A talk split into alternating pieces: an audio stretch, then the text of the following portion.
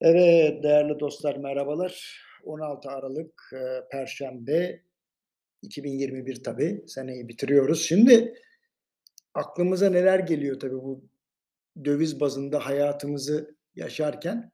Ben de bugün o konuda bir kesit paylaşayım sizinle dedim. Merak etmeyin öyle bir roman parçası vesaire değil. Çünkü bu konuyla alakalı bir YouTube videosu paylaştım. Bir kere de yazayım dedim. Ancak daha önce birçok sefer de bu konu üzerine yazılar yazdım, okuyanlar biliyor. Şimdi bana hala "Ya, şu Merkez Bankası'nın müdahalesini yorumlar mısın?" diye soruyorlar.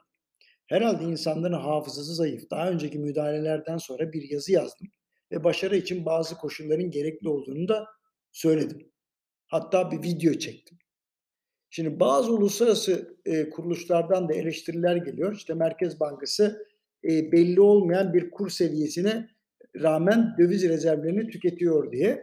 Şimdi çok da haksız değiller. O onu da söyleyeyim yani. Dalgalı kur sisteminin psikolojik silahlarını bir kenara bıraktık. O silahları bir hatırlayalım. Bir kere döviz kuru çok yükselince insanlar buradan da gitmez diyerek satıyor elindeki dövizi.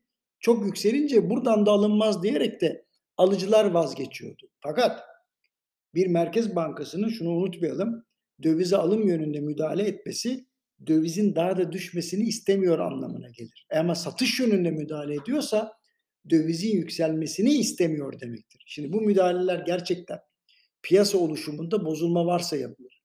Mesela faizler ya da sermaye piyasaları kazanç vaat diye bir ülkenin ondan sonra e, riskini olumlu değerlendiren yatırımcılar toparlarlar dolarları getirirler, ulusal paraya çevirirler. O zaman ne olur? Değerlenir o ülkenin parası. Hatırlarsanız 2002 ile 2013 arasında böyle bir süreç yaşadık. Yatırımcının ilgisi sadece ekonomik değil, daha çok siyasi ve diplomatik adımların da atılmasıyla biliyorsunuz artmıştı.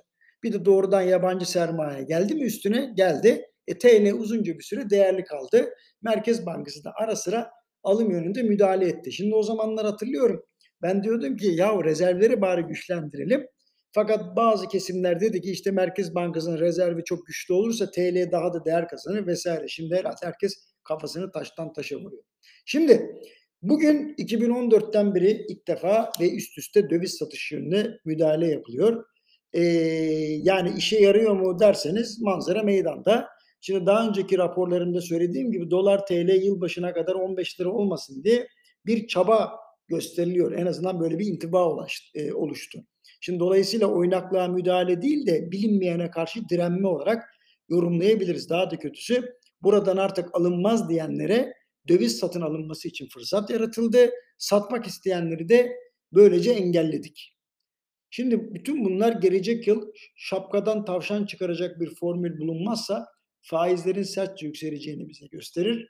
Çünkü ısrar edilen modelin tam olarak oturması için kurların serbest kalması ve bir süre sonra gerilemesini beklemek gerekirdi. Ancak bir yandan enflasyonist baskı, diğer yandan erken seçim ihtimali, firmaların ve vatandaşların şikayetleri de yükselirken soğukkanlı bir şekilde bu modelin gerekleri yerine getirilecek mi onu bilemiyorum.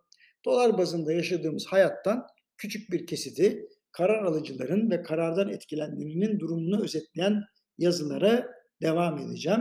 Onu söyleyeyim. Yani böyle küçük küçük anlatacağım size. Ancak sebep sonuç ilişkilerinin karma karışık hale geldiği şartlarda benim itidal içeren ikazlarımı dinleyen oluyor mu vatandaşlarda, kurumlarda, devlette? Vallahi ben ona pek emin değilim. Efendim hepinize hoşçakalın. Yarın buluşmak üzere.